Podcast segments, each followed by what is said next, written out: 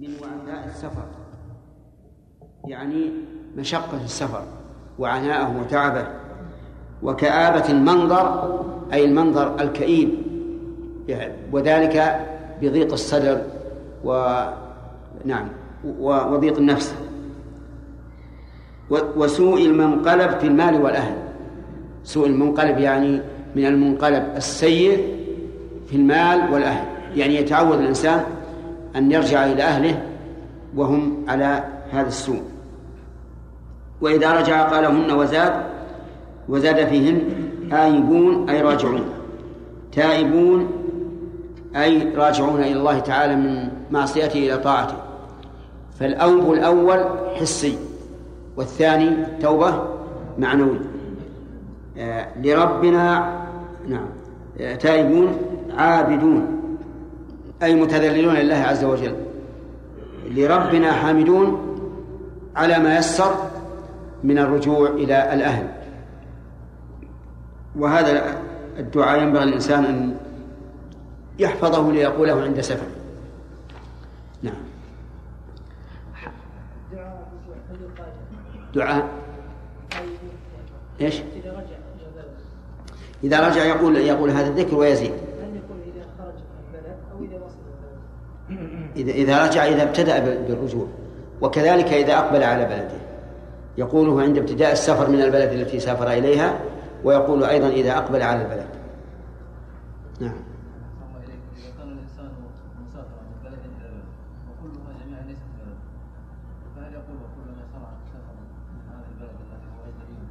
إي نعم. لأنه سوف يسير من بلد إلى بلد والرجوع إلى إلى إلى بلد. نعم.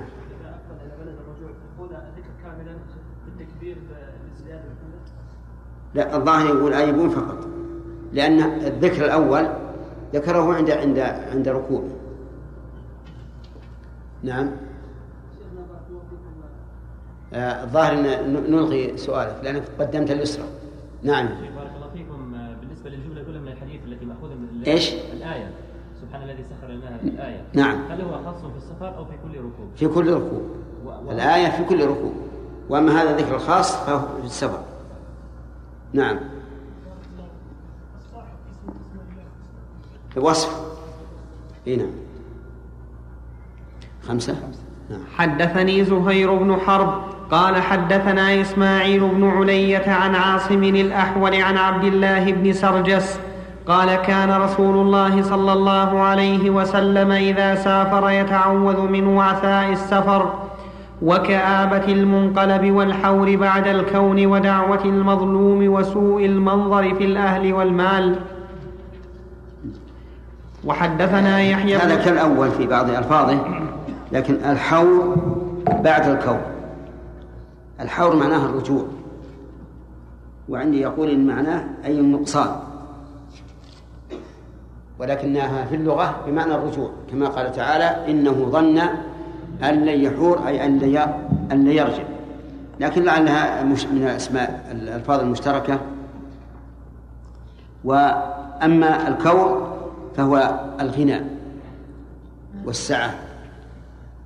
ودعوة المظلوم هذا يتضمن شيئين. يتضمن التعوذ من الظلم ومن دعوة المظلوم أن تصيب أن تصيب الإنسان. وأما الأول فهو من باب إطلاق السبب وإرادة المسبب وأما الثاني فهو من إطلاق فهو على ظاهره وسوء المنظر في الأهل والمال سبق وحدثنا يحيى بن يحيى وزهير بن حرب جميعا عن أبي معاوية. حاء وحدثني حامد بن عمر قال حدثنا عبد الواحد كلاهما عن عاصم بهذا الإسناد مثله غير أن في حديث عبد الواحد في المال والأهل وفي رواية محمد بن خازم قال يبدأ بالأهل إذا رجع. وفي روايتهما جميعا اللهم إني أعوذ بك من وعثاء السفر. باب ما يقول إذا قفل من سفر الحج وغيره. حدثنا أبو بكر بن أبي شيبة قال حدثنا أبو أسامة قال حدثنا عبيد الله عن نافع عن ابن عمر وحدثنا عبيد الله بن سعيد واللفظ له قال حدثنا يحيى وهو القطان عن عن عبيد الله عن نافع عن عبد الله بن عمر أنه قال كان رسول الله صلى الله عليه وسلم إذا قفل من الجيوش أو السرايا أو الحج أو العمرة إذا أوفى على ثنية أو فدفد كبر ثلاثا ثم قال لا إله إلا الله وحده لا شريك له له الملك وله الحمد وهو على كل شيء قدير.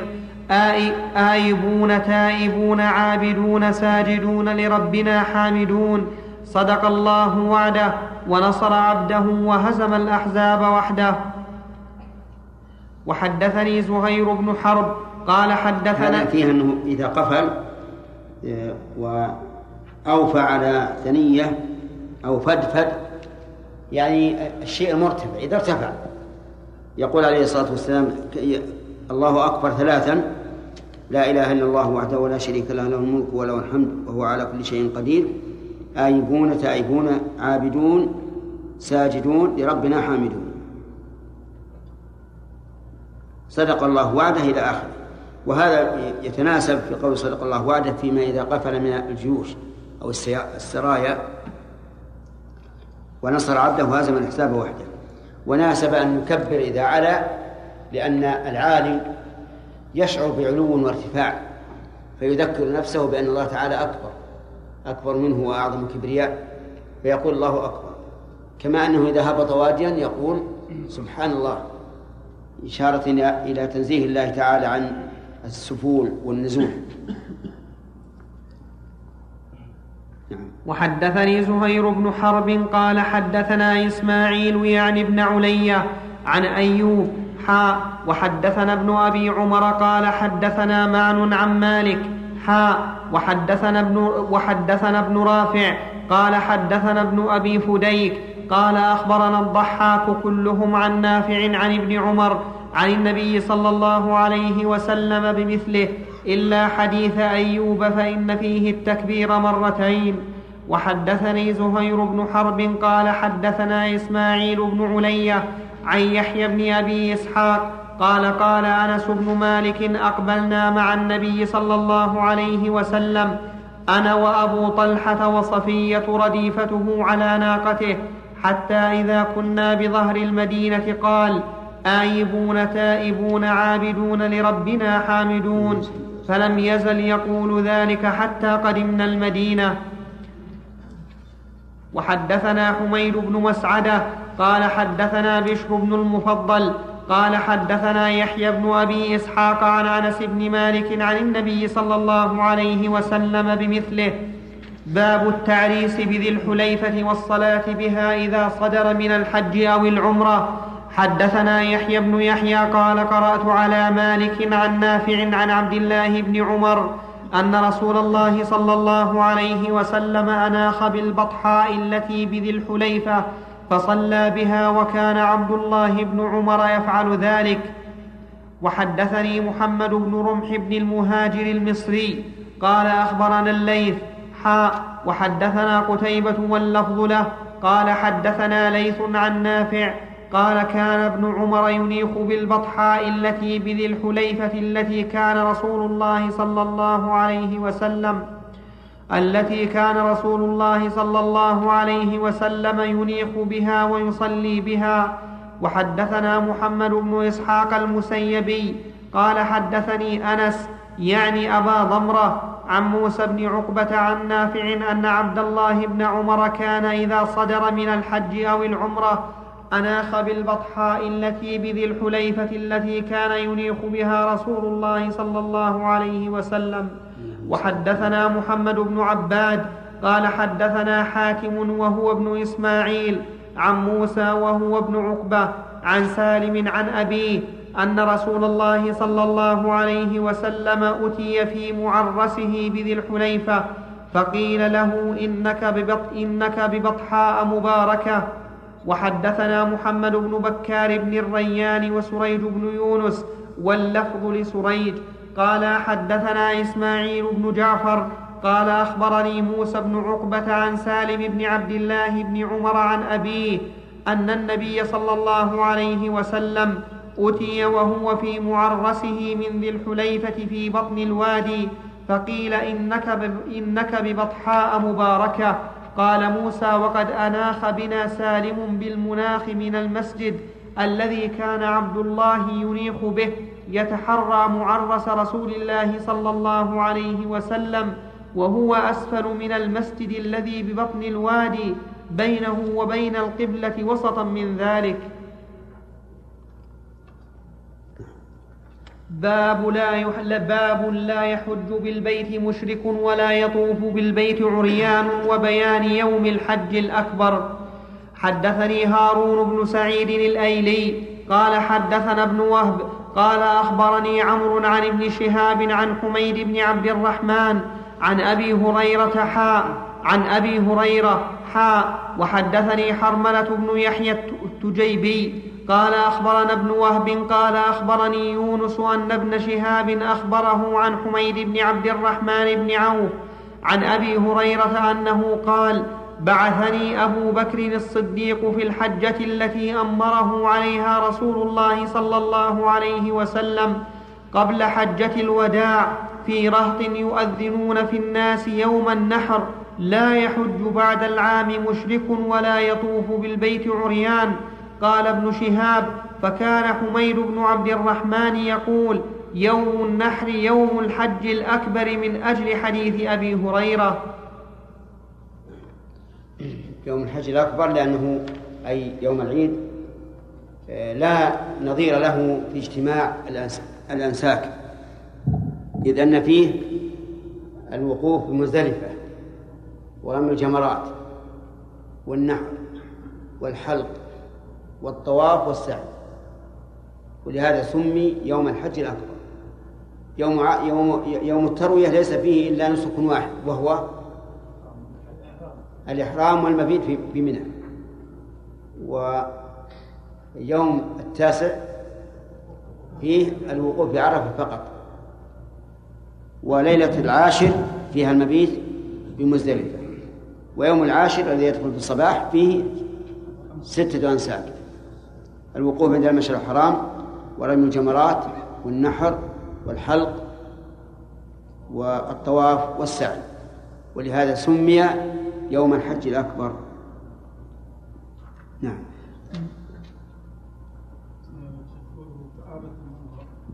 نعم. إيه يعني معناها أن أن الإنسان إذا نظر إليه فإذا هو كئيب. نعم. سليم.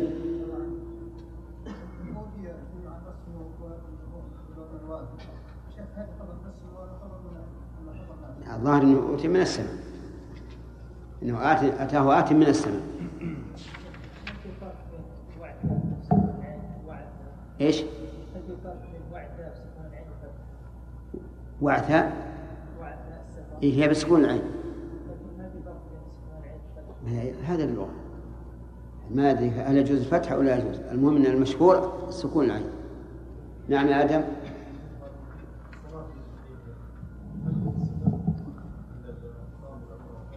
لا هذا هذا إذا رجع الإنسان إذا رجع كان الرسول عليه الصلاة والسلام إذا رجع نزل بتلك البطحاء وصلى.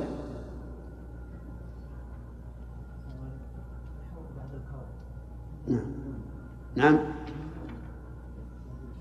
الحور بعد الكون. إيه.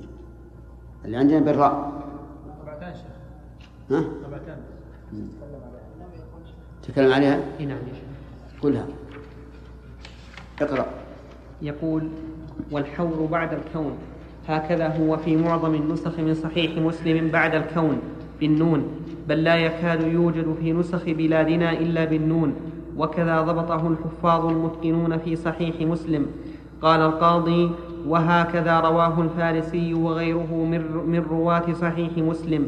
قال ورواه العذري بعد الكور بالراء. قال والمعروف في رواية عاصم الذي رواه مسلم عنه بالنون.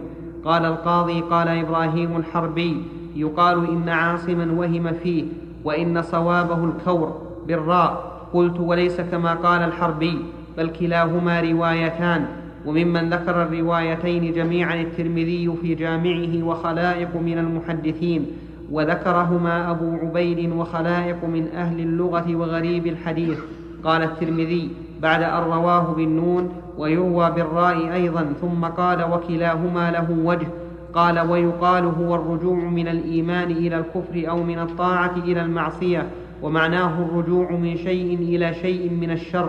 هذا كلام الترمذي. وكذا قال غيره من العلماء معناه بالراء والنون جميعا الرجوع من الاستقامة أو الزيادة إلى النقص. قال وقال ورواية الراء مأخوذة من تكوير العمامة وهو لفها وجمعها. ورواية النون مأخوذة من الكون مصدر كان يكون كونا إذا وجد واستقر. قال المازري في رواية الراء قيل أيضا معناه أعوذ بك من الرجوع عن الجماعة بعد أن كنا فيها. يقال كار عمامته إذا لفها وحارها إذا نقضها. وقيل نعوذ بك من أن تفسد أمورنا بعد صلاحها كفساد العمامة بعد استقامتها على الرأس. وعلى رواية النون قال أبو عبيد سئل عاصم عن معناه فقال ألم تسمع قولهم حار بعدما كان؟ أي أنه كان على حالة جميلة فرجع عنها. الظاهر أن أحسن وأقرب للمعنى. نعم. باب في فضل الحج والعمرة ويوم عرفة. حدثنا هارون بن سعيد الأيلي وأحمد بن عيسى. قال حدثنا ابن وهب قال أخبرني مخرمة بن بكير عن أبيه. أنه قال سمعت يونس بن سمعت يونس بن يوسف يقول عن ابن المسيب قالت عائشة إن رسول الله صلى الله عليه وسلم قال ما من يوم أكثر من أن يعتق الله فيه عبدا من النار من يوم عرفة وإنه ليدنو ثم يباهي بهم الملائكة فيقول ما أراد هؤلاء. حدثنا يحيى بن يحيى قال قرأت قوله جل وعلا ما أراد هؤلاء. من المعلوم أن هذا ليس استفهام استعلام ولكنه استفهام تعظيم لهؤلاء لأن الله تعالى يعلم ما أراد وأنهم إنما جاءوا إلى هذا المكان لمغفرة الذنوب وتكفير السيئات وحصول الخيرات. لكن هذا الاستفهام للتعظيم وليس للاستعلام لأن الله لا يخفى عليه شيء في الأرض ولا في السماء. حدثنا يحيى بن يحيى قال قرأت على مالك عن سمي مولى أبي بكر بن عبد الرحمن عن أبي صالح السمان عن أبي هريرة أن رسول الله صلى الله عليه وسلم قال العمرة العمر العمرة إلى العمرة كفارة لما بينهما والحج المبرور ليس له جزاء إلا الجنة. العمرة إلى العمرة كفارة لما بينهما يقيد بما جاءت في الأحاديث ما اجتنبت الكبائر. وذلك لأن النبي صلى الله عليه وسلم قال الصلوات الخمس والجمعة إلى الجمعة ورمضان إلى رمضان مكفرات لما بينهن ما لم تغش الكبائر. وإذا كانت الصلوات وهي أعظم من العمرة إذ هي الركن الثاني في الإسلام لا بد لتكفيرها السيئات من اجتناب الكبائر فهذه من باب أولى. وهذا هو الذي ذهب إليه الجمهور وهو الأظهر. وعلى هذا فيكون العموم هنا مقيدا باجتناب الكبائر. وأما قول الحج المبرور فالحج المبرور ما جمع أوصافا الوصف الأول أن يكون خالصا لله. فإن الحج الذي فيه شرك ليس بمبرور بل هو شرك حابط قال الله تعالى في الحديث القدسي أنا أغنى الشركاء عن الشرك. من عمل عملا أشرك فيه معي غيري تركته وشركه. الثاني أن يكون موافقا لشريعة الله أي على حسب حج النبي صلى الله عليه وسلم.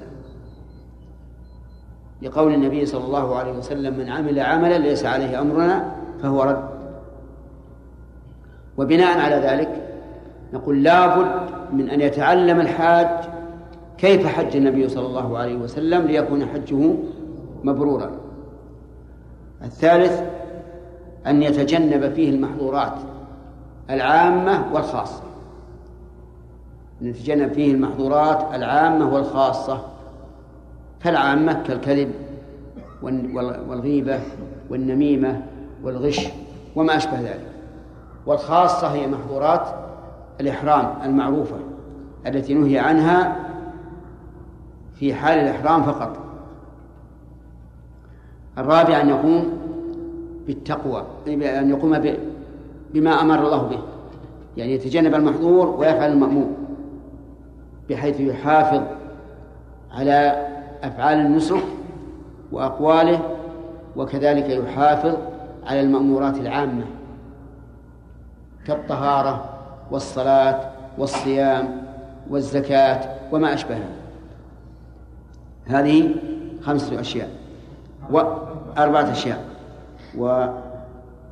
والخامس وهو داخل فيما سبق لكن ننص عليه لأهميته أن يتجنب أذية الخلق فلا يؤذي الخلق لا بقوله ولا بفعله وعلى هذا فيتجنب العنف عند المضايقة والزحام لأنه إذا استعمل العنف في هذه المواطن آذى غيره. ولكن استعمل اللين والتيسير.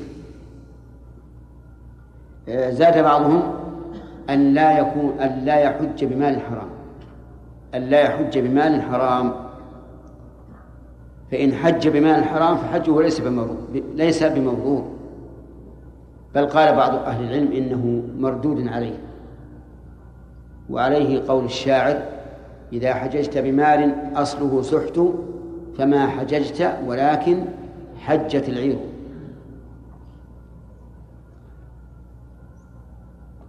وقول ليس له جزاء إلا الجنة أي أن الله تعالى يجزي من حج حجا مبرورا فيدخله الجنة نعم.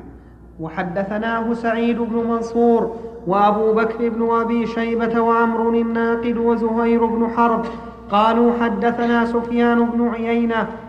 حا وحدثني محمد بن عبد الملك الأموي. قال حدثنا عبد العزيز بن المختار عن سهيل. حا وحدثنا ابن نمير. قال حدثنا أبي. قال حدثنا عبيد الله. حا وحدثنا أبو كريب. قال حدثنا وكيع. حا وحدثني محمد بن المثنى. قال حدثنا عبد الرحمن جميعا عن سفيان. كل هؤلاء عن سمي عن أبي صالح عن أبي هريرة عن أبي هريرة عن النبي صلى الله عليه وسلم بمثل حديث مالك. حدثنا يحيى بن يحيى وزهير بن حرب قال يحيى أخبرنا وقال زهير حدثنا جرير عن منصور عن أبي حازم عن أبي هريرة أنه قال قال رسول الله صلى الله عليه وسلم من أتى هذا البيت فلم يرفث ولم يفسق رجع كما ولدته أمه. وحدثناه سعيد بن منصور عن أبي عوانة وأبي الأحوص. حا وحدثنا أبو بكر بن أبي شيبة. قال حدثنا وكيع عن مسعر وسفيان. حا وحدثنا ابن المثنى. قال حدثنا محمد بن جعفر. قال حدثنا شعبة. كل هؤلاء عن منصور بهذا الإسناد. وفي حديثهم جميعا من حج فلم يرفث ولم يفسق. حدثنا سعيد بن منصور قال حدثنا هشيم عن سيار عن أبي حازم عن أبي هريرة عن النبي صلى الله عليه وسلم مثله. هذا كالتفسير لما سبق. من أتى هذا البيت يعني ظاهره حاجا كان أو معتمرا ولكن قد ورد التخصيص. من حج فلم يرفث ولم يفسد. والرفث الصخب بالقول والفسق الخروج عن الطاعة. رجع كيوم ولدته أمه والإنسان حين ولادة أمه لا يحمل وزرا بل هو مبر مبرر عن الأوزار. فيكون كقوله الحج المبرور ليس له جزاء إلا إلا الجنة.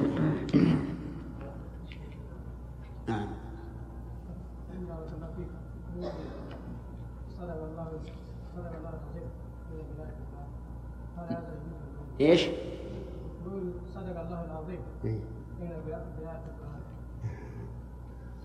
وش هذه لا كأنك الآن تفكر بعيد عن الدرس. نعم. كأنك في حلقة من حلقات تحفيظ القرآن. هذا يا بني ما ما هو للدرس؟ ولا مناقشة عامة حتى تورد هذا السؤال. فيبدو لي والله أعلم أنك أننا في واد وأنت في واد أليس كذلك؟ أجب نعم.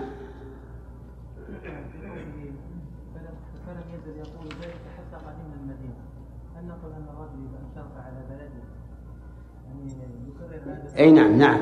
هذا هذا ظاهر السنة. نعم.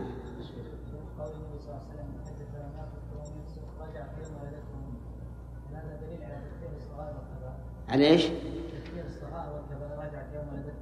نعم. اي نعم هذا ظاهر.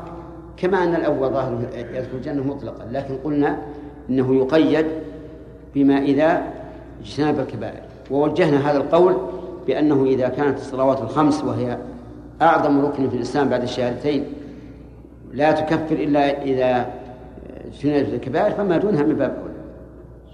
نعم. ثلاثة؟ نعم. إيش؟ نعم نعم. لا مو بهذا من, من هذا النوع. يعني في هذا الكلام مو من هذا النوع. باب باب النزول بمكة بمكة للحاج وتوريث دورها. حدثني أبو الطاهر وحرملة بن يحيى.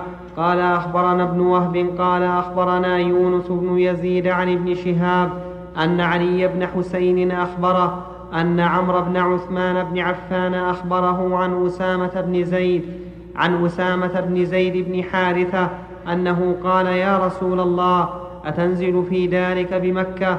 فقال وهل ترك لنا عقيل من رباع أو دور؟ وكان عقيل ورث أبا طالب هو وطالب ولم يرثه جعفر ولا علي شيئا لأنهما كانا مسلمين. وكان عقيل وطالب كافرين. حدث. استدل العلماء بهذا الحديث على أن دور مكة تورث وتملك وأن ملكها صحيح. ولكن هل تملك؟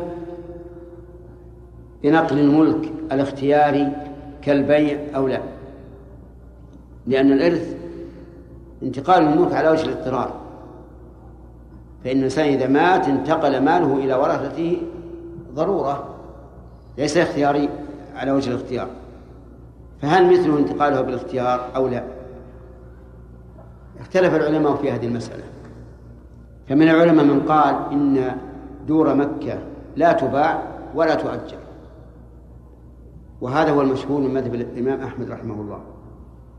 على أن بيعها حرام ولا ينتقل به الملك. وأن إجارتها حرام ولا ينتقل بها الملك لقول الله تعالى سواء سواء العاكف فيه والباد ولأنه يروى عن النبي صلى الله عليه وسلم أنه قال رباع مكة حرام بيعها حرام إجارتها ولكن هذا الحديث لا صح مرفوعا. ومن العلماء من يقول إن بيوت مكة تملك اختيارا واضطرارا ويجوز بيعها وهبتها ورهنها وإجارتها ويفعل فيها الملاك كما يفعلون بأموال بأملاكهم خارج مكة. وهذا مشهور مذهب الشافعي رحمه الله. وهو الذي عليه العمل الآن بل من, من أزمنة قديمة. ومنهم من قال تملك وتباع وتورث ولكنه لا ولكنها لا تؤجر. إجارتها حرام. وهذا قول وسط بين القولين بين القول بالإباحة مطلقة بين القول بإباحة البيع والشراء والإجارة والرهن وغيرها وبين القول بالمنع من ذلك كله وهذا الوسط هو اختيار الشيخ الإسلام ابن تيمية رحمه الله. وقال من عنده بيت في مكة فلا بأس أن يبيعه ولا بأس أن يرهنه. ولا بأس أن يهبه لكن لا يؤجره إن استغنى عنه فتح أبوابه للناس لأن مكة يستوي فيها العاكف يعني المقيم والبادي. فإذا كان الإنسان عنده عمارة فيها أربع شقق وهو لا يحتاج إلا واحدة وجب عليه أن يفتح أبواب الثلاث لمن أراد نزولها. نعم. ولا يحل له أن يؤجره. ولهذا نرى أن استثمار العقار في مكة فيه نظر وأن الإنسان ينبغي له إذا أراد أن يستثمر أمواله في عقار فليكن في المدينة أو في بلد آخر. أما مكة فما دام العلماء اختلفوا في هذا الخلاف فليتورع وليدع المتاجرة فيها في العقار يعني في العقارات.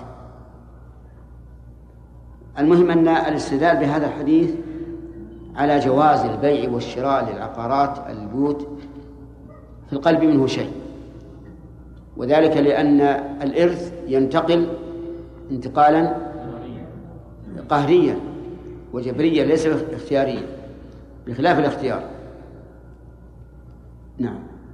حدثنا محمد. نعم. لو لو قال قائل يعني النبي صلى الله عليه وسلم لا شك أنه يبين اتم البيان يعني نعم. فلو تركنا ما قيده على ما قيده وما أطلقه على ما أطلقه ولا شك أن بعض العبادات أفضل من بعض من بعض الوجوه وهذا لا يقتضي ولا شك كيف؟ أن بعض العبادات إذا نعم. كانت أفضل على ان أن العبادة إذا كانت أفضل على عبادة أخرى من بعض الوجوه لا يقتضي تفضيلها مطلقا نعم. كما قلنا في مسألة الصحابة أن مثلا تفضيل الأمين على أبي بكر الصديق مثلا لا يقتضي أنه مفضل عنهم جميع الوجوه نعم فالحج مثلا يكون له خاصية هذه إنه من حج فلم يرفث ولم يفسق يعني كان التكفير له حتى عن الكبائر لأنه ليس فيه تقييد. نعم ليس فيه تقييد لكنه بعيد من السنة أو بل من الشريعة الإسلامية أن يكون العمل الأضعف أقوى تأثيرا من العمل ال- الأقوى. فمن ثم رأى الجمهور أن أن هذا الإطلاق مقيد. ومن قال أرجو فضل الله وأن الله وأنه واسع هذا ما- ما, نمنعه. نعم. نعم. لا لا. قد تجوز الإجارة ولا يجوز البيع. وقد, وقد يكون العكس. شيخ الإسلام يقول لأن- لأنه يملك العين ولا يملك المنفعة. المنفعة الناس فيها سواء في هذا في هذا المكان. أما العين فيملكها. لا أحيانا ما يملك المنفعة أر- أرأيت أرأيت ال- المرتهن. الراهن قصد. يملك العين ولا يملك ولا يملك المنفعة لتعلق حق الغير بها. فهذه البيوت يرى شيخ الإسلام رحمه الله أن الب- البادي في القادم إلى مكة له حق. نعم صالح. على إيش؟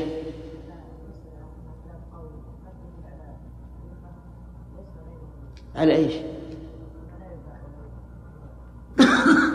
ذكرت لك الآية. الذي جعلناه للناس سواء العاكف فيه والبادي نعم.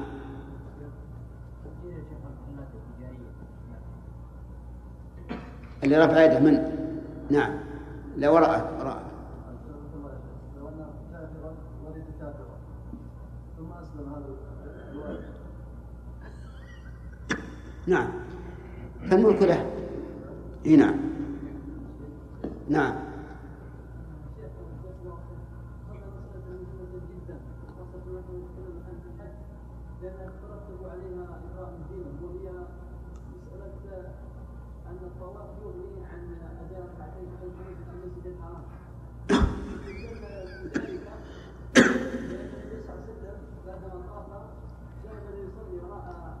مقام إبراهيم وقرأ الآية اتخذوا من مقام إبراهيم مصلى ثم علم أن الصلاة ركعتين هاتين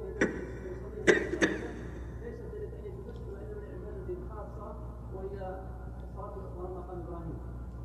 ولكن يا شيخ أشكل علي أن هذا ضمير الدلالة. كيف يقاوم قطع الدلالة الذي يوجب ركعتين في المسجد؟ وكذلك يا شيخ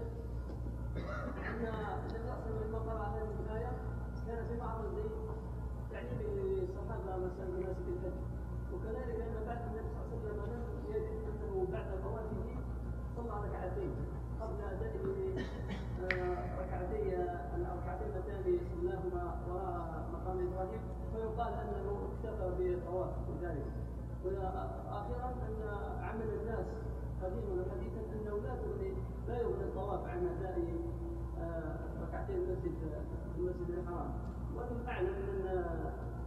ان يعني بهذا تعلمون نعم بل إن العمل قديما وحديثا على الاكتفاء بالطواف. نعم. العمل قديما وحديثا على الاكتفاء بالطواف. ولهذا لما دخل النبي عليه الصلاة والسلام المسجد الحرام بدأ بالطواف. ما ذهب يصلي ركعتين لكن من يرد انه جلس ما جلس نعم. لكن ما ما جلس. ثم بعد الطواف ماذا صنع؟ صلى ركعتين خلف المقام.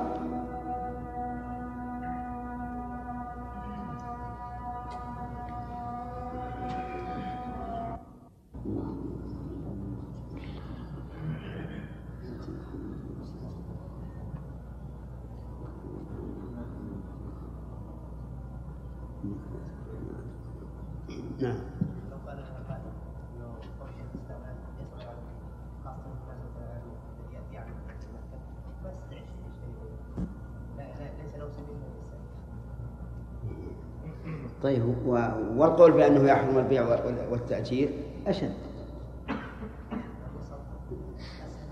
الأسهل أنه يجوز البيع والتأجير.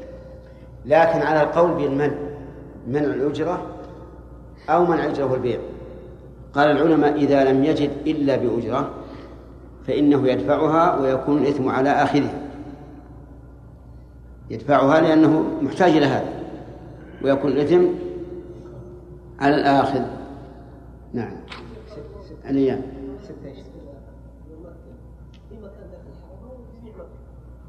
كل ما كان داخل الحرم. إيه داخل الحرم واجد. أكبر من مكة الآن. يعني الحرم حدود الحرم وراء مكة ببعيد من بعض الوجوه. وإن كان الآن في في في التنعيم صارت مكة الآن أوسع من الحرم. الآن في التنعيم مكة ممتدة إلى خارج الحرم. إلى الحل لا. الضابط أن نقول مكة ما كان داخل حدود الحرم نعم. نعم. سبعه ها سبعة؟ الاشكال حدثنا حدثنا محمد بن مهران الرازي وابن أبي عمر وعبد بن حميد جميعا عن عبد الرزاق قال ابن مهران حدثنا عبد الرزاق عن معمر عن الزهري عن علي بن حسين عن عمرو بن عثمان عن أسامة بن زيد. قلت يا أنه عن أسامة بن زيد قلت يا رسول الله أين تنزل غدا؟ وذلك في حجته حين دنونا من مكة. فقال وهل ترك لنا عقيل منزلا؟ وحدثنيه محمد بن حاتم. قال حدثنا روح بن عب- بن عبادة قال حدثنا محمد بن أبي حفصة وزمعة بن صالح. قال حدثنا ابن شهاب عن علي بن حسين عن عمرو بن عثمان عن أسامة بن زيد أنه قال يا رسول الله أين تنزل غدا؟ أين تنزل غدا إن شاء الله؟ وذلك زمن الفتح. قال وهل ترك لنا عقيل من منزل؟ باب جواز الأول يقول في حجته وهذا يقول في زمن الفتح. شوف ال- الشرح.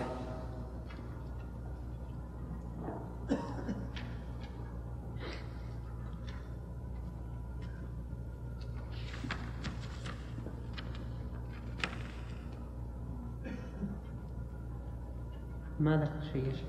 نعم. ما ذكر؟ النووي لم يذكر شيئا. لأنه يبعد أن أن أسامة بن زيد يسأل الرسول مرتين.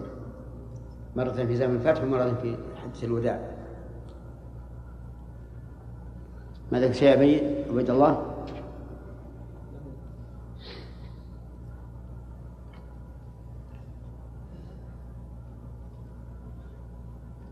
على كل حال المهم المعنى وهو أن الرسول عليه الصلاة والسلام أثبت بأن الدور ليس له منها شيء. ورثها عقيل وطال دون جعفر وعلي. والسبب أن أبا طالب مات على الكفر وفي هذا دليل واضح على أن أبا طالب مات كافرا بدليل أن أبناءه الذين كانوا مسلمين لم يرثوه وأن الكافرين ورثوه. نعم. باب جواز الإقامة بمكة للمهاجر منها بعد فراغ الحج والعمرة ثلاثة أيام بلا زيادة. حدثنا عبد الله بن مسلمة بن قعنب قال حدثنا سليمان يعني ابن بلال عن عبد الرحمن بن حميد أنه سمع عمر بن عبد العزيز يسأل السائب بن يزيد يقول هل سمعت؟ يسأل السائب بن يزيد يقول هل سمعت في الإقامة بمكة شيئا؟ فقال السائب سمعت العلاء بن الحضرمي يقول سمعت رسول الله صلى الله عليه وسلم سمعت العلاء بن الحضرمي يقول نعم. سمعت رسول الله صلى الله عليه وسلم يقول للمهاجر إقامة ثلاث بعد الصدر بمكة. بعد الصدر بمكة كأنه يقول لا يزيد عليها. حدثنا يحيى بن يحيى قال أخبرنا سفيان بن عيينة عن عبد الرحمن بن حميد قال سمعت عمر بن عبد العزيز يقول لجل- لجلسائه ما سمعتم في سكنى مكة؟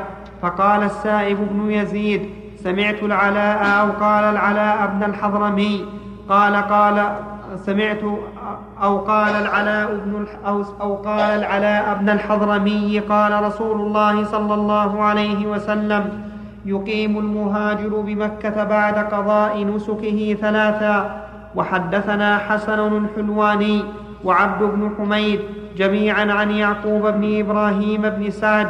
قال حدثنا أبي عن صالح عن عبد الرحمن بن حميد أنه سمع عمر بن عبد العزيز يسأل السائب بن يزيد فقال السائب سمعت العلاء بن الحضرمي يقول سمعت رسول الله صلى الله عليه وسلم يقول ثلاث ليال يمكثهن المهاجر بمكة بعد الصدر.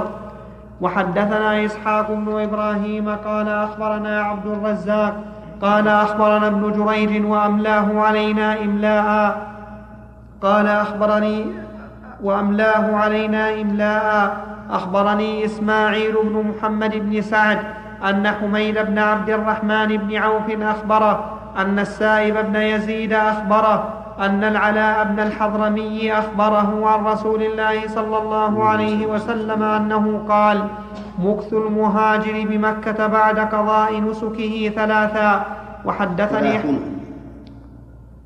بالرفع نعم. بالنصب. يقول هكذا هو في أكثر نس- النسخ ببلادنا ثلاثا نعم. وفي بعضها ثلاث. نعم. ووجه النصب أن يقدر فيه محذوف أي مكثه المباح أن يمكث ثلاثا. ثلاثا أقول- لها وجه لكن عندنا ما يحتاج إلى تقدير. والقاعدة أنه إذا كان الكلام يستقيم بلا تقدير فهو أولى. نعم. وحدثني حجاج بن الشاعر قال حدثنا الضحاك بن مخلد قال أخبرنا ابن جريج بهذا الإسناد مثله. نعم. على كل أس... الحكمة في أن المهاجر من مكة لا يمكث فيها إلا ثلاثة أيام بعد النسك هو أنه ترك هذا المكان لله. فإذا مكث فيه صار كالراجع في صدقته والرجوع في الصدقة حرام. قال النبي صلى الله عليه وسلم الراجع في صدقته كالكلب يقيء ثم يعود في قيئه. وهل يلحق بمكة غيرها؟ الظاهر نعم. وأن الإنسان إذا هاجر من بلد الكفر إلى بلد الإسلام ثم صارت البلاد التي هاجر منها بلاد الإسلام فإنه لا يجوز أن يرجع لي- ليمكث فيها. ولكنه يرخص له أن يمكث فيها للتجارة ونحوها ثلاثة أيام ثم يرجع. نعم. شيخ بارك الله فيك آه، مسألة الإرث يا شيخ. لو يعني رجل تزوج في بلاد كافرة بحكم إقامته هناك بنصرانية فلما ثم تركها ورجع إلى بلاده توفيت المرأة وأدخل مالها في باسمه يعني حكم يعني يعني إجبارا يعني. أعطي هذا المال وسجل باسمه يعني. يعني أنه ملكه ملك المال. ماتت وهي في ذمته. وهي في ذمته وهو في بلاده. نعم. وهي كافرة طبعا نصرانية. لا يح- لا يحل له طيب قد ملك المال. يعني أدخل في في ملكه. يعني ألا يمكن أن يرفضه؟ نعم. والآن باسمه. لا يجب أن يرفضه. ويكون لأهله الكفار. لكن إن كان قانون هؤلاء الكفر الكفرة أنه لا بد أن يرجع للزوج نعم فحينئذ يأخذه ثم بعد أخذه يرد على هؤلاء. نعم. توضيحا شيخ من قوانينهم إذا رفض الزوج على الغالب تذهب إلى الدولة إيه. هكذا الذي خارج إذا إذا إذا لا يرفض. يأخذه ثم يعيده إلى مستحق. نعم. لا ليس كذلك. لأنه لا يجب الهجرة من من بلاد الفسق. ثلاثة. ثلاثة باب تحريم مكة وصيدها وخلاها وشجرها ولقطتها إلا لمنشد على الدوام.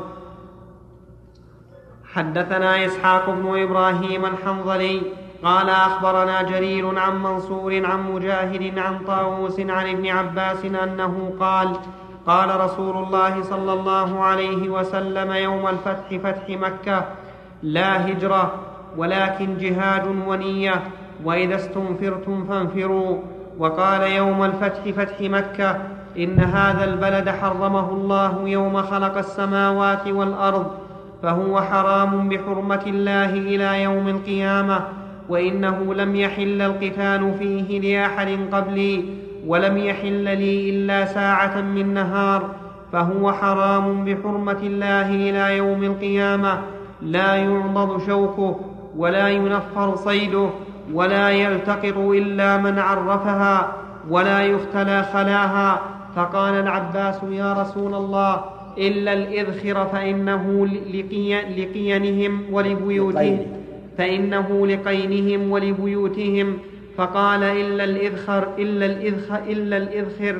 وحدثني محمد بن رافع قال حدثنا يحيى بن آدم قال حدثنا مفضل عن منصور في هذا الإسناد بمثله ولم يذكر يوم خلق السماوات والأرض وقال بدل القتال القتل وقال لا يلتقط لقطته إلا من عرفها.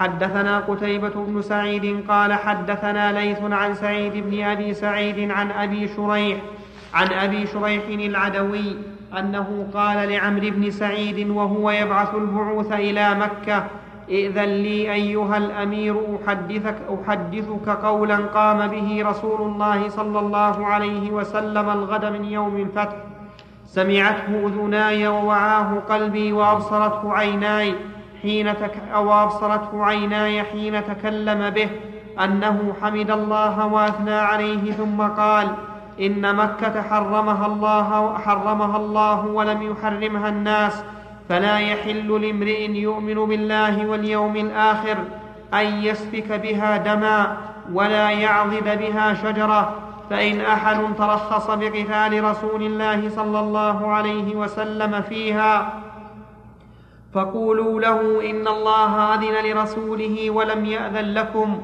وإنما أذن لي فيها ساعة من نهار وقد عادت حرمتها اليوم كحرمتها بالأمس وليبلغ الشاهد الغائب فقيل لأبي شريح ما قال لك عمرو؟ قال أنا أعلم بذلك منك يا أبا شريح إن الحرم لا يعيد عاصيا ولا فارا بدم ولا فارا بخربة بخر ولا فارا بخربة. حدثني زهير بن حرب وعبيد الله بن سعيد جميعا عن الوليد. قال زهير حدثنا الوليد بن مسلم. قال حدثنا الأوزاعي. قال حدثنا يحيى بن أبي كثير. قال حدثني أبو سلمة وهو هو ابن عبد الرحمن. قال حدثني أبو هريرة أنه قال لما فتح الله عز وجل على رسول الله صلى الله عليه وسلم قام في الناس فحمد الله واثنى عليه ثم قال إن الله حبس عن مكة الفيل وسلط عليها رسوله والمؤمنين وإنها لن تحل لأحد كان قبلي وإنها أحلت لي ساعة من نهار وإنها لن تحل لأحد بعدي فلا ينفر صيدها ولا يختلى شوكها ولا تحل ساقطتها إلا لمنشد ومن قتل له قتيل فهو بخير النظرين فهو بخير النظرين إما أن يفدى وإما أن يقتل. فقال العباس إلا الإذخر يا رسول الله. ف... نعم أعد. من أين أحسن الله إليك؟ إيه، فهو بخير النظرين. ومن قتل له قتيل فهو بخير النظرين إما أن يفدى وإما أن يقتل. فقال العباس إلا الإذخر يا رسول الله فإنا نجعله في قبورنا وبيوتنا. فقال رسول الله صلى الله عليه وسلم إلا الإذخر. فقام أبو شاه رجل من أهل اليمن فقال اكتبوا لي يا رسول الله. فقال رسول الله صلى الله عليه وسلم اكتبوا لأبي شاه. قال الوليد فقلت للأوزاعي ما قوله اكتبوا لي يا رسول الله؟ قال هذه الخطبة التي سمعها من رسول الله صلى الله عليه وسلم. حدثني إسحاق بن منصور قال, قال أخبرنا عبيد الله عبيد الله بن موسى عن شيبان عن يحيى قال أخبرني أبو سلمة أنه سمع أبا هريرة يقول إن خزاعة قتلوا رجل رجلا من بني ليث عام فتح مكة بقتيل منهم قتلوه. فأخبر بذلك رسول الله صلى الله عليه وسلم فركب راحلته فخطب فقال إن الله عز وجل حبس عن مكة الفيل وسلط عليها رسوله والمؤمنين ألا وإنها لم تحل لأحد قبلي ولن تحل لأحد بعدي؟ ألا وإنها أحلت لي ساعة من النهار؟ ألا وإنها ساعتي هذه حرام؟ لا يخبط شوكها ولا يعضد شجرها ولا يلتقط ساقطة ساقطتها إلا منشد. ومن قتل له قتيل فهو بخير النظرين. إما أن يعطى يعني الدية وإما أن يقاد أهل القتيل. قال فجاء رجل من أهل اليمن يقال له أبو شاه فقال اكتب لي يا رسول الله. فقال اكتبوا لأبي شاه. فقال رجل من قريش إلا الإذخر فإنا نجعله في بيوتنا وقبورنا. فقال رسول الله صلى الله عليه وسلم إلا الإذخر. في هذه الأحاديث التي ساقها المؤلف رحمه الله عن ابن عباس وأبي شريح وأبي هريرة دليل على تحريم مكة ومكة حرمها الله عز وجل ولم يحرمها الناس كما قال النبي صلى الله عليه وسلم.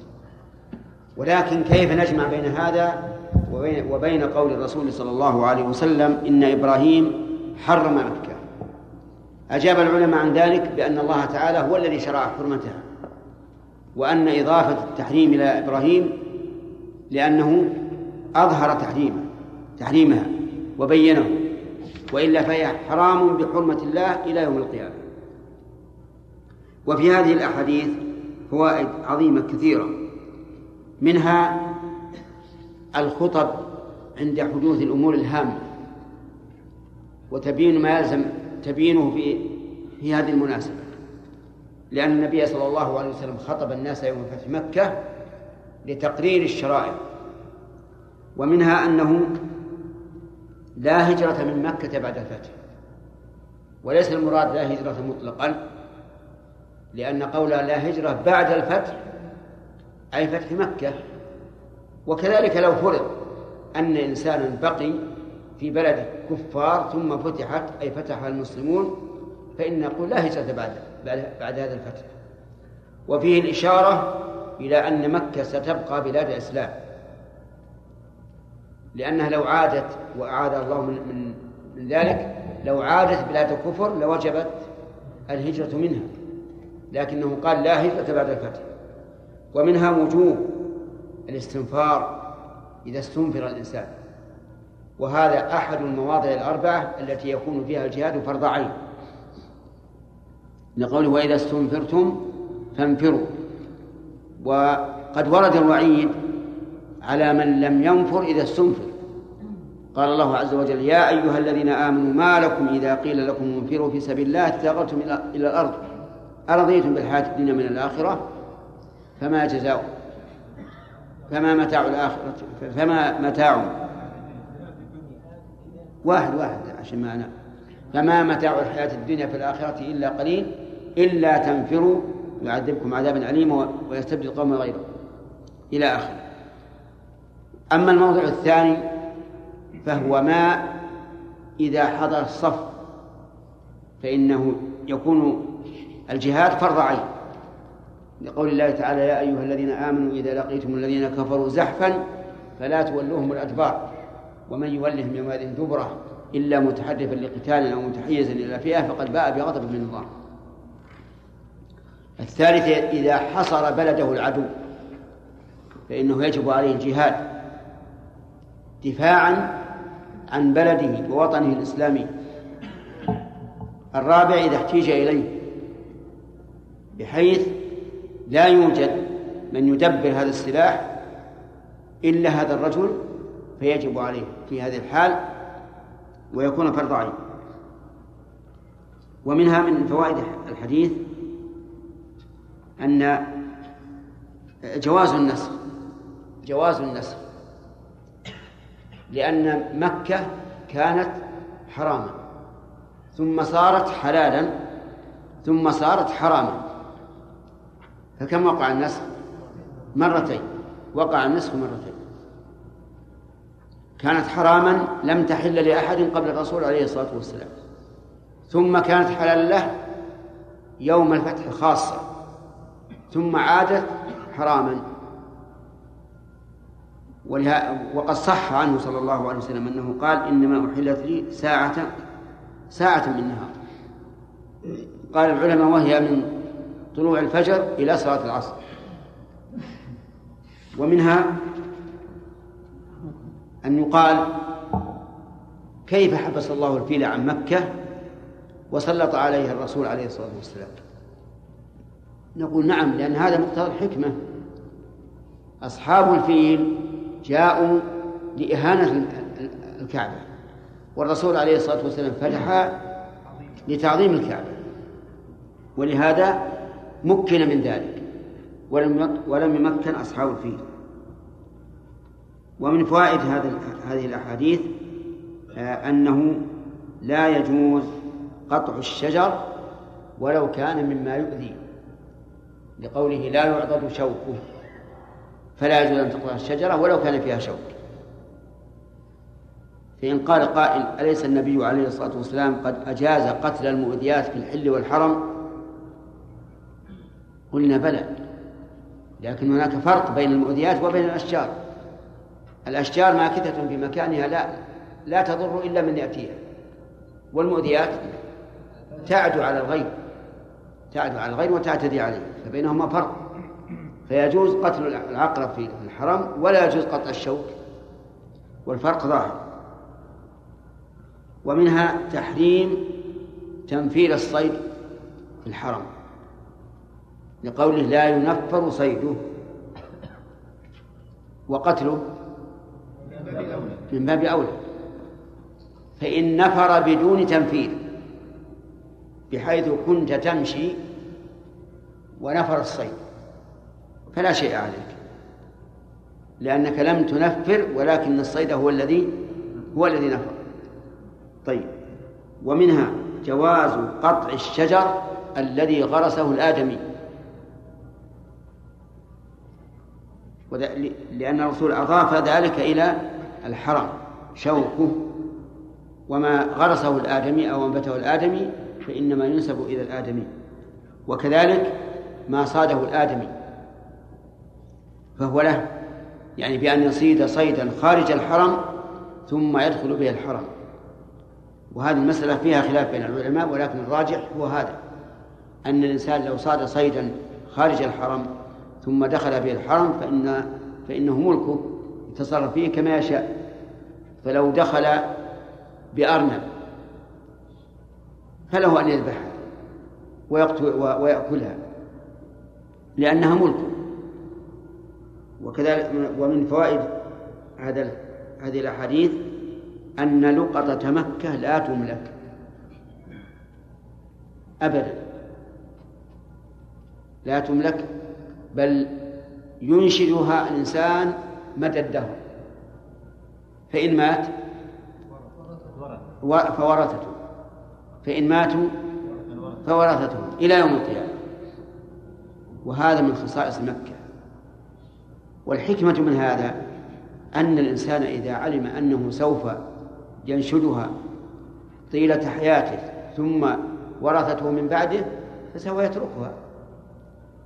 فإذا تركها من مر بها أولا ومر بها غيره تركها أيضا إن كان يؤمن بالله واليوم الآخر. ثم هلم جرا إلى أن يلقاها صاحبها. ولكن في وقتنا الحاضر لو أن الإنسان ترك اللقطة لا أخذت ولم ترجع لصاحبها فحينئذ نقول خذها وأدها إلى إلى الجهة الجهات المسؤولة. ولهذا ينبغي أن يكون في مكة خاصة من يتقبلون اللقط والضوال ليستريح الناس وليكون هذا أقرب إلى رد الأموال إلى أهلها. نعم؟ موجود في الحرم. إيه لكن ما هو موجود في كل مكة. هذا لقطة الحرم وما حوله فقط.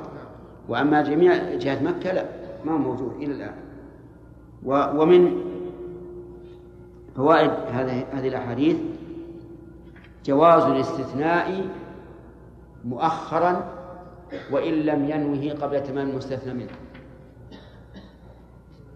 وذلك أن العباس قال يا رسول الله إلا الإذخر. فقال النبي صلى الله عليه وسلم إلا الإذخر. مع أن الظاهر أن الرسول ما طرأ على باله ذلك. وإلا لما احتاج أن أن ينبهه العباس. وهذا وهذا القول هو الراجح. أنه لا يشترط لا تشترط نية المستثنى قبل تمام المستثنى منه. ولا الاتصال أيضا ما دام الكلام واحدا. ومنها آه، أنه إذا دعت الحاجة العامة للشيء فإن الشرع لا يمنعه. لقول العباس فإنه لقينهم وبيوتهم. وهذه ليست حاجة خاصة بل هي عامة. والقين هو الحداد. والبيوت يأتي شرطها الحداد يحتاج للإذخر لأن الإذخر سريع الاشتعال لأن الإذخر سريع سريع الاشتعال. فالحدادون الذين يوقدون النار من أجل صهر الحديد يحتاجون إلى الإذخر من أجل أن يكون سهل الاشتعال حتى يتمكنوا من صهر الحديد وأما البيوت فإن السقف إذا وضع الجريد يجعل الإذخر بين الجريد لئلا يتساقط الطين على أسفل. وكذلك أيضا يجعلونه في القبور كما في رواية أخرى لأن لأن القبر إذا وضعت فيه اللبنات على الميت فإنه إذا لم تسد ما بين اللبنات بمثل الإذخر انهال التراب على الميت. ومن فوائد هذا الحديث فضيلة العباس بن عبد المطلب على هذه الأمة أي فضلها فضل العباس على هذه الأمة حيث آه، خصص العموم من أجل طلبه. ونظير هذا موسى عليه الصلاة والسلام حين طلب من النبي صلى الله عليه وسلم أن يسأل الله التخفيف في مسألة الصلوات. ومن ومن فوائد هذا الحديث أيضا بل الأحاديث كلها أن أو من فوائده فقه العباس رضي الله عنه لأنه لما أورد الاستثناء ذكر سببه حيث قال إنه لبيوتهم وقيلهم ومنها أن العام يشمل جميع أفراده. وجه ذلك الاستثناء. لأنه لو لم يشمل لكان نجاز أن يقال إن الإذخر لم يدخل في العموم ولكن لما استثناه دل على أن العموم على أن العام يشمل جميع أفراده وإلى بقية ال- الفوائد إن شاء الله. وأظننا طرفنا يا خالد. والله. ودنا بس باقي 26 صفحة. كم؟ 26 إيه ما ما شاء الله. يمكننا إن شاء الله بإذن الله. الحديث. نعم. هذا الحديث. إلى هذا الحديث بألفاظه وصحابته يكتب. الحمد لله رب العالمين وصلى الله وسلم وبارك على عبده ورسوله نبينا محمد وعلى آله وأصحابه أجمعين. الظاهر فيه فوائد في حديث تحريم مكة. لم نكملها فيما يظهر. حديث ابن عباس وأبي هريرة وأبي شريح. يس- من فوائد حديث أبي شريح حسن الأدب مع مع الأمراء وإن كان المخاطب أفضل منهم فأبو شريح أفضل بكثير من سعيد آه، من عمرو بن سعيد الأشتق ولا ينسب إليه. ومع ذلك يخاطبه بهذا الخطاب اللطيف. يقول ائذن لي أيها الأمير. ائذن لي أيها الأمير. ولم يقل يا هذا. خاطبه بلفظ يدل على التبجيل والتعظيم وبلفظ يدل على الأدب في قوله ائذن لي. وهكذا ينبغي مع من هو فوقك أن تخاطبه بالخطاب اللائق الذي يمكنه أن يتفاهم معك. لأنه ي- يرى أنه أعلى منك. فلو خاطبت فلو خاطبته مخاطبة الند للند فربما تأخذه العزه بالإثم. ولهذا يقول ابن وردي في الأمية المشهورة جانب السلطان واحذر بطشه لا تعاند من إذا قال فعل أو قال لا تخاصم من إذا قال فعل. فالخطاب مع مع الأمراء ليس كالخطاب مع عامة الناس. الخطاب مع العلماء الكبار أيضا ليس كالخطاب مع عامة الناس يكون بأدب. وفي أيضا تأكيد الخبر وأنه ينبغي للإنسان أن يؤكد الخبر بما يدل على ضبطه إياه. وذلك في قوله سمعته أذناي ووعاه قلبي وأبصرته عيناي حين تكلم به. يعني كأنه يقول أخذته منه مباشرة بدون واسطة وبدون حائل وبدون غفلة. ثم ذكر ما ما سمعه من النبي صلى الله عليه وسلم. لكن الأمير مع هذا الأدب العظيم معه قال قولا هو فيه كذاب. قال أنا أعلم بذلك منك. إن الحرم لا يعيد عاصيا ولا فارا بدم ولا فارا بخربة. يعني وعبد الله بن الزبير فارا بالخربة وعاصيا على زعمه. وهذا كذب. والصواب أن الحرم يعيد ذلك يعيد هؤلاء.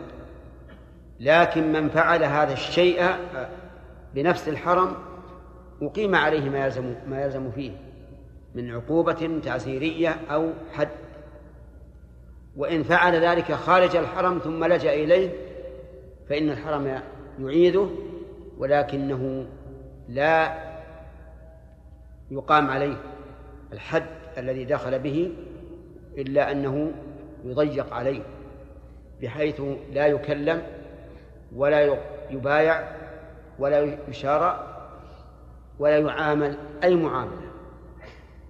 وإذا عومل بهذه المعاملة فإنه سوف يخرج من تلقاء نفسه وإذا خرج أقمنا عليه ما ما تلزم إقامته عليه.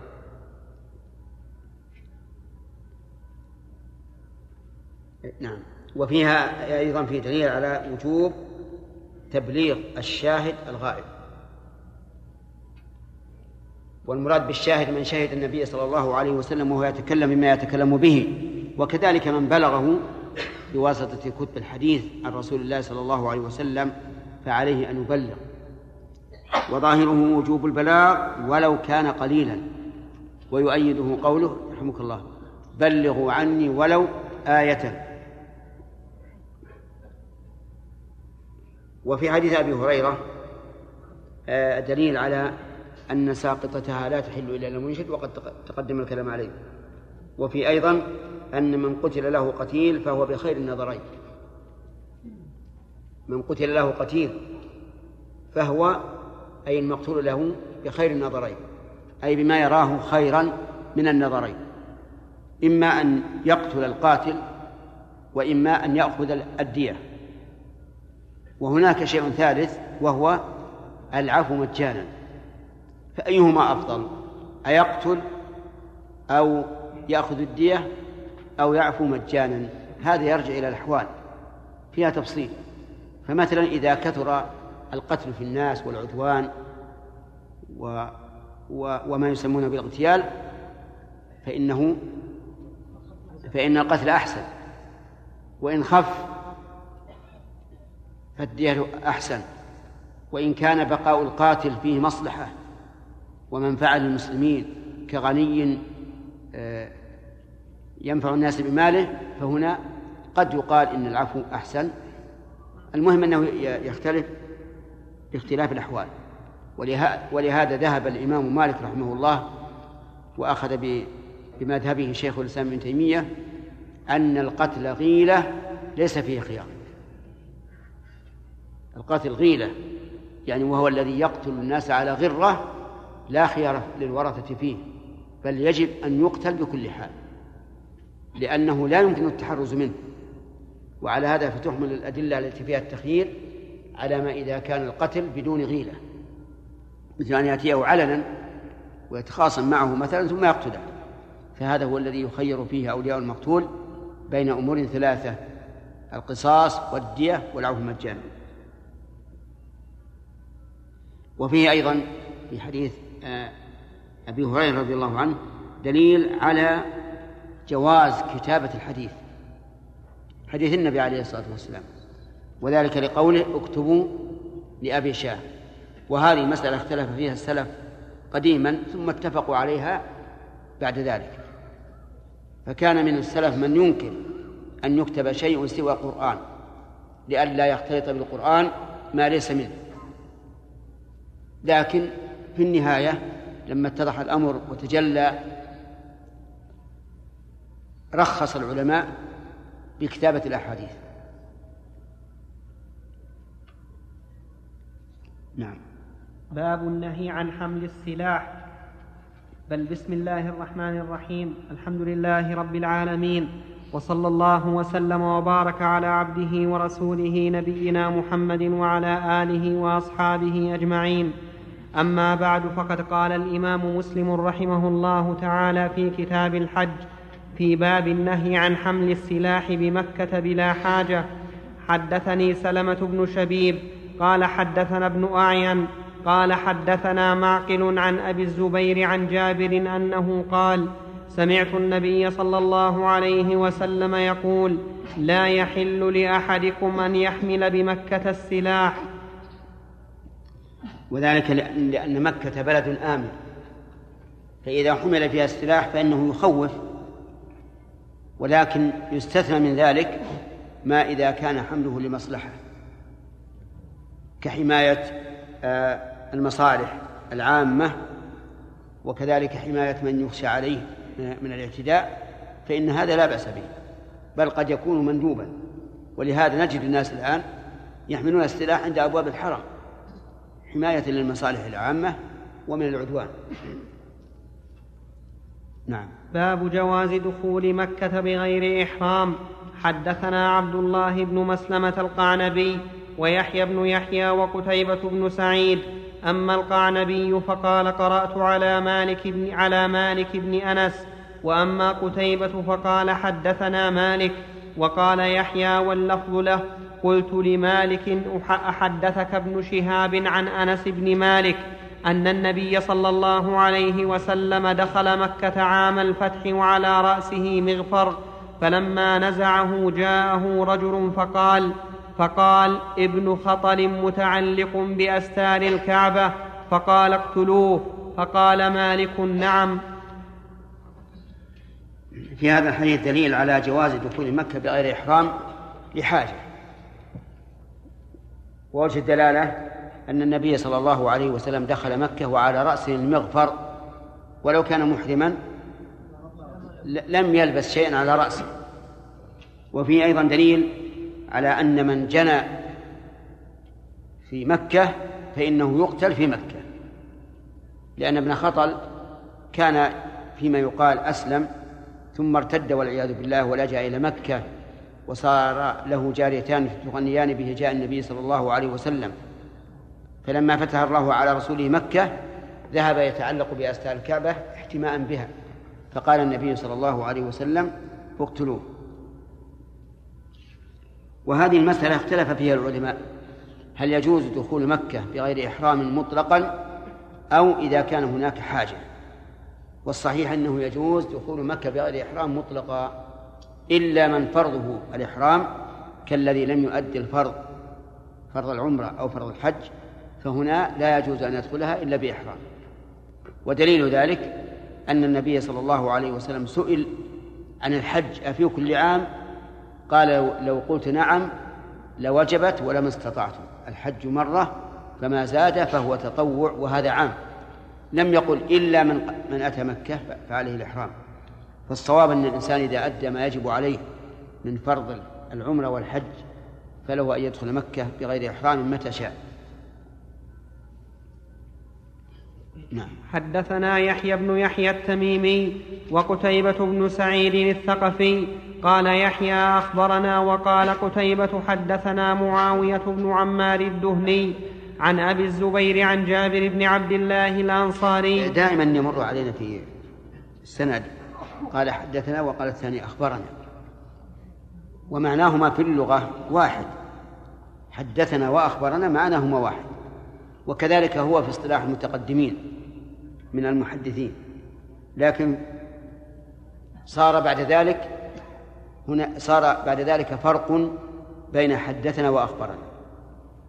فإن أخبرنا تقال في من قرأ على الشيخ وهو يسمع وحدثنا في من قرأ الشيخ عليه. فصار الفرق عند المتأخرين. أما عند المتقدمين فأخبرنا وحدثنا سواء. ومسلم رحمه الله يعتبر بالنسبة لمن سبقهم متأخرا ولذلك تجدون يفرق بين حدثنا وأخبرنا. نعم. عن أبي الزبير عن جابر بن عبد الله الأنصاري أن رسول الله صلى الله عليه وسلم دخل مكة وقال قتيبة دخل يوم فتح مكة وعليه عمامة سوداء بغير إحرام. وفي رواية قتيبة قال حدثنا أبو الزبير عن جابر حدثنا علي بن حكيم الأودي قال أخبرنا شريك عن عمار الدهني عن أبي الزبير عن جابر بن عبد الله أن النبي صلى الله عليه وسلم دخل يوم فتح مكة وعليه عمامة سوداء. حدثنا يحيى بن يحيى وإسحاق بن إبراهيم قال أخبرنا وكيع عن مساور الوراق عن جعفر وهذا لا ينافي ما سبق أن عليه المغفر لأنه لعله بعد أن دخل واستوطن نزع المغفر ولبس العمامة السوداء. وفيه دليل على جواز لبس العمامة السوداء. لكن ما لم يكن شعارا ما لم تكن العمامة السوداء شعارا لأهل البدع فإنها لا تلبس. وكذلك ما لم يلبسها إظهارا للحزن عند المصيبة فإنها لا تلبس. أما إذا لم تكن شعارا لطائفة من أهل البدع ولم تكن شعارا للحزن فإنه لا بأس أن يلبسها عمامة سوداء أو بيضاء أو خضراء. نعم.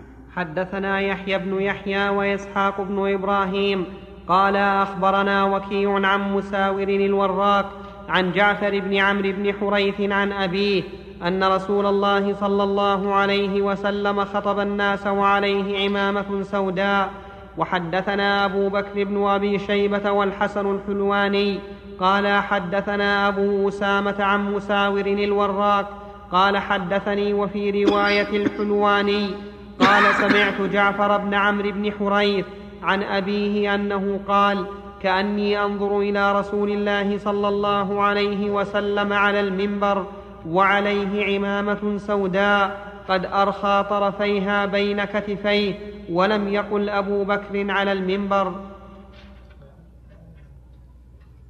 نعم. باب فضل المدينة ودعاء النبي صلى الله عليه وسلم فيها بالبركة وبيان تحريمها وتحريم صيدها وشجرها وبيان حدود حرمها حدثنا قتيبة بن سعيد قال حدثنا عبد العزيز يعني ابن محمد الدرا يعني ابن محمد الدراوردي الدراوردي يعني يعني ابن محمد الدراوردي عن عمرو بن يحيى المازني عن عباد بن تميم عن عمه عبد الله بن زيد بن عاصم أن رسول الله صلى الله عليه وسلم قال إن إبراهيم حرم مكة ودعا لأهلها وإني حرمت المدينة كما حرم إبراهيم مكة وإني دعوت في صاعها ومدها بمثل ما دعا بمثلي ما دعا به إبراهيم لأهل مكة.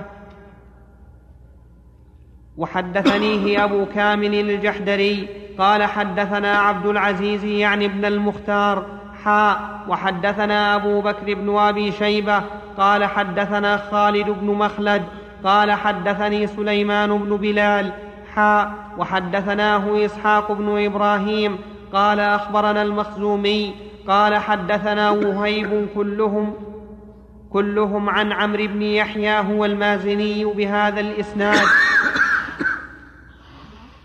أما حديث وهيب فكرواية الدراورد الدراوردي بمثل بمثل ما دعا به إبراهيم وأما سليمان بن بلال وعبد العزيز بن المختار ففي روايتهما مثل ما دعا به إبراهيم. وحدثنا قتيبة بن سعيد قال حدثنا بكر يعني ابن مضر عن ابن الهاد عن أبي بكر بن محمد عن عبد الله بن عمرو بن عثمان عن رافع بن خديج أنه قال قال رسول الله صلى الله عليه وسلم إن إبراهيم حرم مكة وإني أحرم ما بين لابتيها يريد المدينة.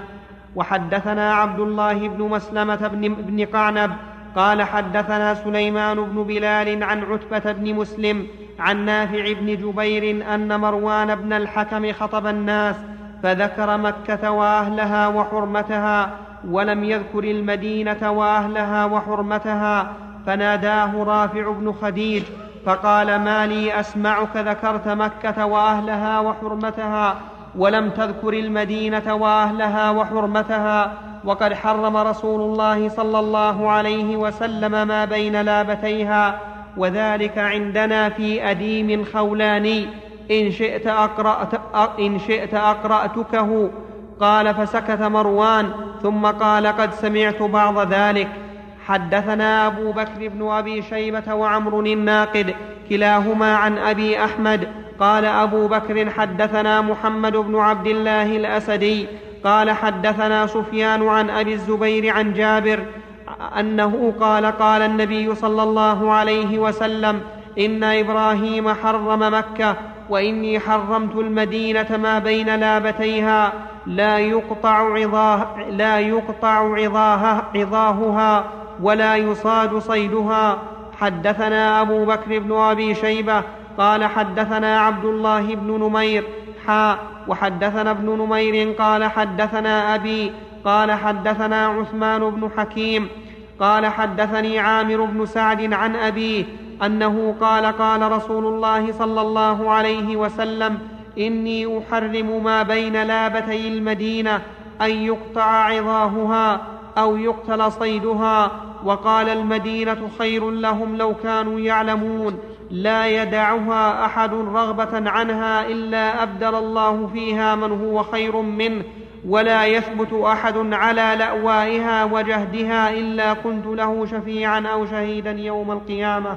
وحد كل هذه الحديث فيها فضيلة المدينة شرفها الله وأن النبي صلى الله عليه وسلم حرمها كما حرم إبراهيم مكة وأنه دعا بصاعها ومدها أي بطعامها الذي يكال بالصاع والمد. ولكن العلماء رحمهم الله اتفقوا على أن التحريم الذي في مكة ليس كالتحريم آه الذي في المدينة ليس كالتحريم الذي في مكة. بل تحريم مكة أعظم وأشد وفي صيدها أي مكة الجزاء. وأما المدينة فقد اختلفوا هل في صيدها جزاء أم لا. والصحيح أنه لا جزاء في صيدها. وأما مكة فبنص القرآن.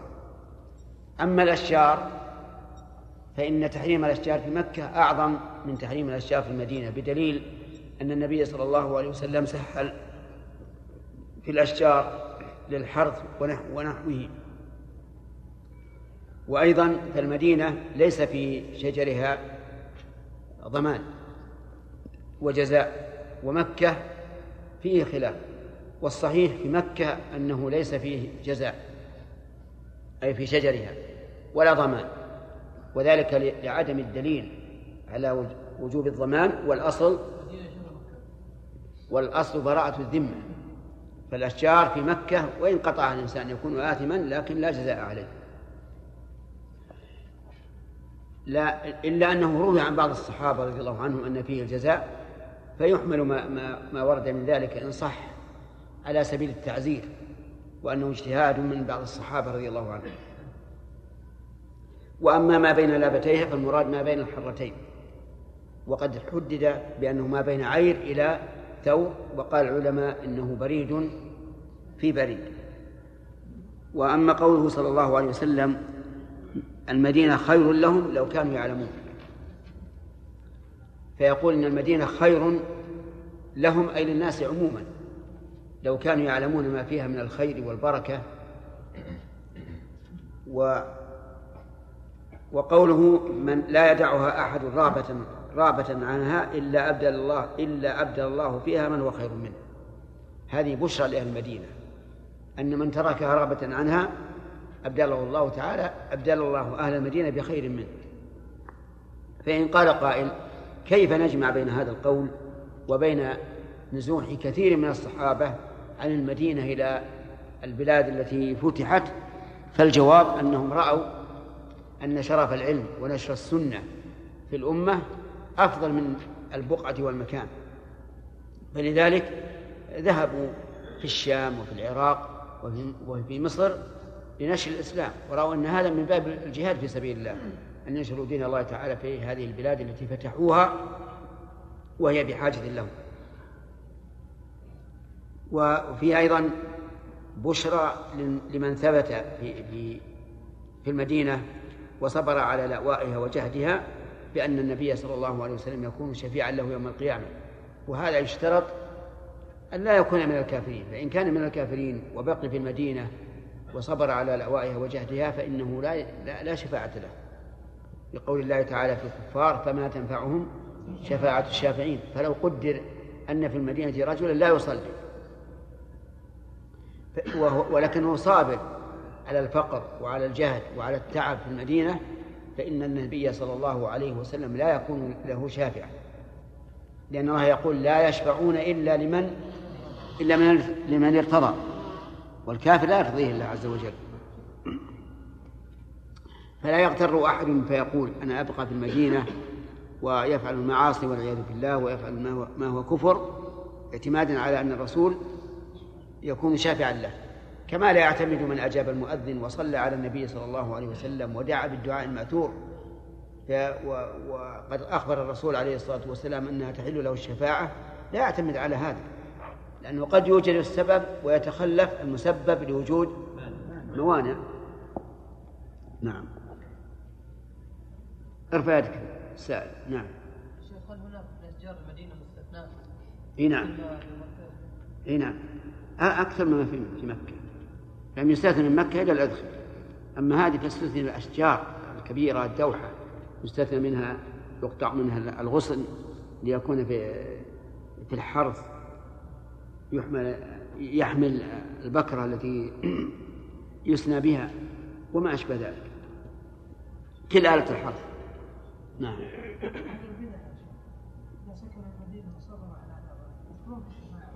إذا كان إذا كان بدعتهم مكفرة فلا شك أنهم لا يدخلون في الشفاعة.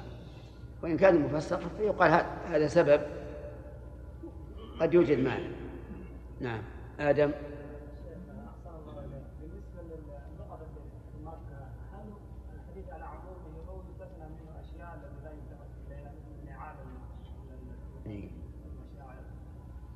هذه مسألة مهمة. هل مثل يقال في لقطة مكة إن المراد اللقطة اللقطة التي يجب تعريفها في غير مكة وهو الذي تتبعه همة أوساط الناس. وأما الشيء الزهيد كالقلم الذي لا يساوي إلا درهما وما- وما أشبه ذلك فلا فلا بأس به. هذا محل تردد. قد يقال إن الحديث عام ساقطتها فهو مفرد مضاف والمفرد المضاف يدل على العموم. وقد يقال إن ساقط إن قوله إلا لمنشئ